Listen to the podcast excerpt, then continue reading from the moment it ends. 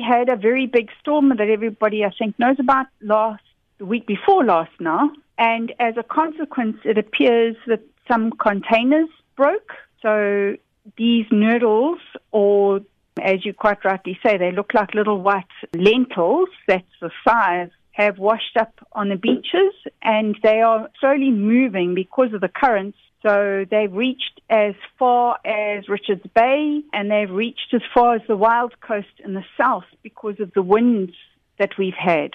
Potter sê die plastiek sal later verweer en besoedeling en toksiese middels absorbeer wat dan deur visse gevreet kan word en so in ons voedselketting kan beland. I don't know how else to say it but they are fresh noodles.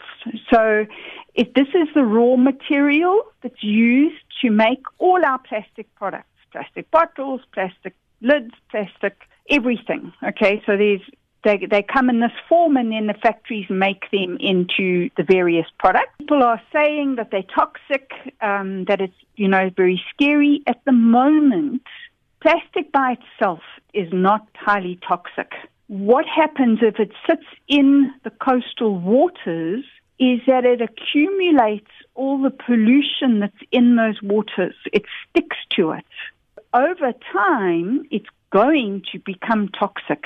Sy sê almal kan help om die strande weer skoon te kry. Would love literally everybody on the coast to literally go and collect. That's what we need. We need thousands of hands. Mm -hmm. So that's the one point.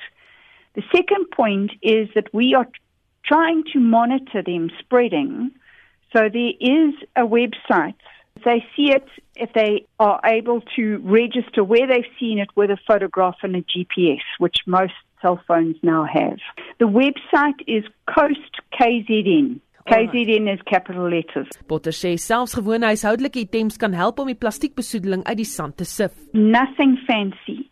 A kitchen calendar, a kitchen sieve, and it is very disheartening to do it by yourself on the beach. So if you can get your friends to go with you, that's great. And literally everyone counts. So if you only come away with a bottle full and you feeling like, why did I bother?